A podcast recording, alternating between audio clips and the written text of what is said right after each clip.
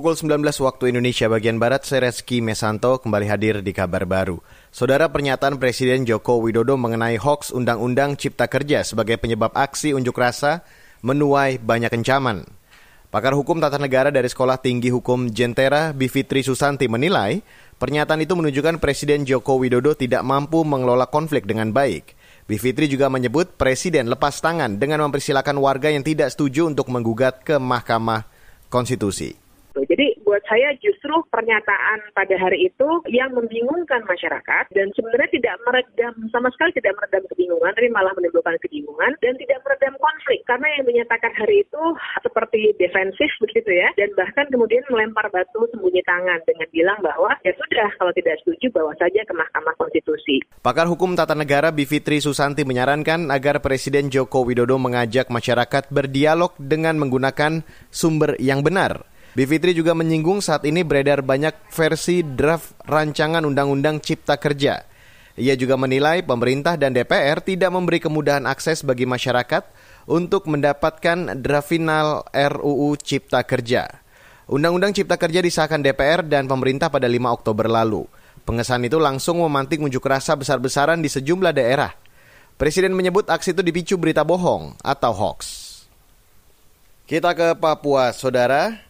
Panitia khusus kemanusiaan di DPR Papua berencana menyerahkan hasil investigasi penembakan yang menewaskan pendeta Yeremias Zanambani kepada Menko Polhukam Mahfud MD.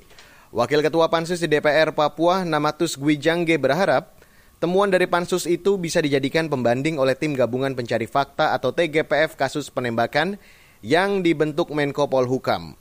Apalagi TGPF itu tidak melibatkan Komnas HAM atau lembaga yang selama ini mengadvokasi hak asasi manusia di Papua.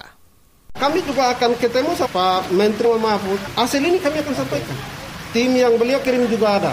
Kami mau lihat fakta yang kami dapat di lapangan ini apakah sama atau tidak. Kami akan kawal. Wakil Ketua Pansus di DPR Papua Namatus Gwijangge menjelaskan, berdasarkan temuan Pansus, kasus penembakan pendeta itu dilakukan anggota TNI yang bertugas di Intan Jaya.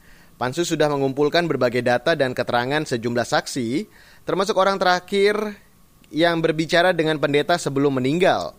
Sebelumnya, TNI dan kelompok bersenjata di Papua saling tuding sebagai pihak yang bertanggung jawab atas serangkaian penembakan termasuk yang menewaskan seorang pendeta di distrik Hitadipa, Kabupaten Intan Jaya 19 September lalu. Kita ke Malaysia, Saudara Kepolisian di Raja Malaysia berencana memanggil dan memeriksa tokoh oposisi Malaysia Anwar Ibrahim.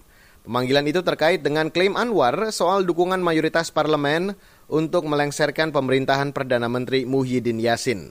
Mengutip Reuters, kepolisian Malaysia mengklaim mendapat sejumlah laporan pengaduan terhadap pernyataan Anwar Ibrahim yang diberitakan ramai di media massa. Rencananya Anwar Ibrahim diperiksa hari ini, namun pihak Anwar menyanggupi pemeriksaan selasa besok. Sementara itu Anwar Ibrahim besok berencana bertemu Raja Malaysia. Pertemuan itu untuk meyakinkan kerajaan mengenai dukungan mayoritas parlemen kepada Anwar Ibrahim untuk membentuk pemerintahan baru. Saudara, demikian kabar baru pukul 19, saya Reski Mesanto.